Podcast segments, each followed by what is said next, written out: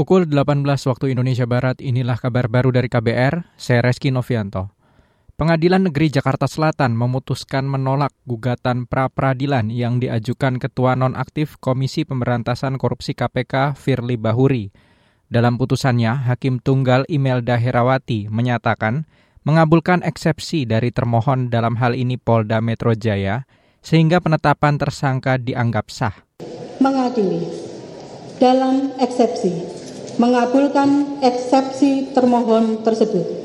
Dalam pokok perkara, satu, menyatakan permohonan pra peradilan pemohon tidak dapat diterima. Dua, membebankan kepada pemohon membayar biaya perkara sebesar nihil.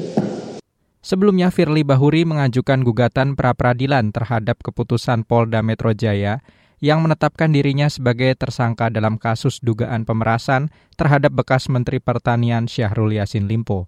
Firly menganggap penetapan status tersangka itu tidak sah.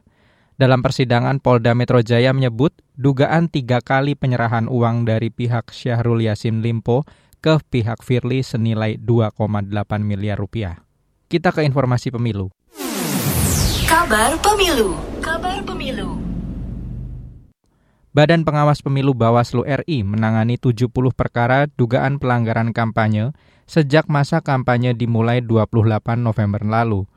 Koordinator Divisi Penanganan Pelanggaran Bawaslu RI, Puadi, mengatakan partisipasi masyarakat dalam melapor ke Bawaslu pada tahun ini lebih tinggi dibandingkan pemilu 2019 antisipasi pada pemilu tahun 2019 laporan masyarakat hanya 19 persen. Ada satu uh, pelanggaran terdiri dari pelanggaran administrasi kaitannya dengan uh, siaran partai politik di televisi. Kemudian uh, dua pelanggaran peraturan lainnya kaitannya dengan netralitas ASN lalu diteruskan di Komisi Aparatur Sipil Negara dan 23 laporan atau temuan masih dalam proses penanganan pelanggaran.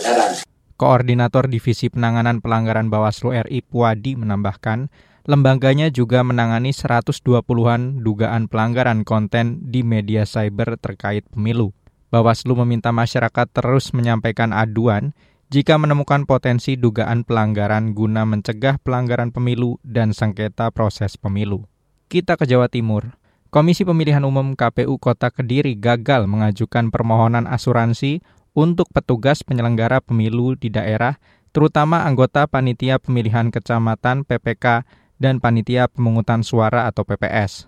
Permohonan tidak disetujui pemerintah daerah Ketua KPU Kota Kediri Pusporini Endah Palupi mengatakan menyarankan petugas penyelenggara pemilu di daerah mendaftarkan diri asuransi secara mandiri untuk jaminan perlindungan keselamatan selama bertugas. Sebenarnya KPU Kota Kediri bulan Maret itu sudah mulai mengajukan kepada pemerintah daerah. Kemudian ternyata di PAK nah, tidak disetujui. Ya. Di satu sisi Eh, kita menyampaikan kepada pemerintah daerah ini sudah ada dasarnya dari KPU RI dan Inpres nomor 2 tahun 2021. Ternyata sampai sekarang juga tidak ada realisasi sehingga uh, kemarin dari BPJS Ketenagakerjaan juga mensosialisasikan untuk uh, asuransi atau BPJS Ketenagakerjaan secara mandiri kepada PPK maupun BPS. Ketua KPU Kota Kediri Pusporini Endah Falupi mengatakan sudah melakukan pengajuan permohonan asuransi untuk ratusan anggota penyelenggara pemilu sejak Maret lalu. Namun, permohonan tidak disetujui pemerintah daerah. Total jumlah PPS di Kediri sebanyak 138 orang dan PPK sebanyak 15 orang.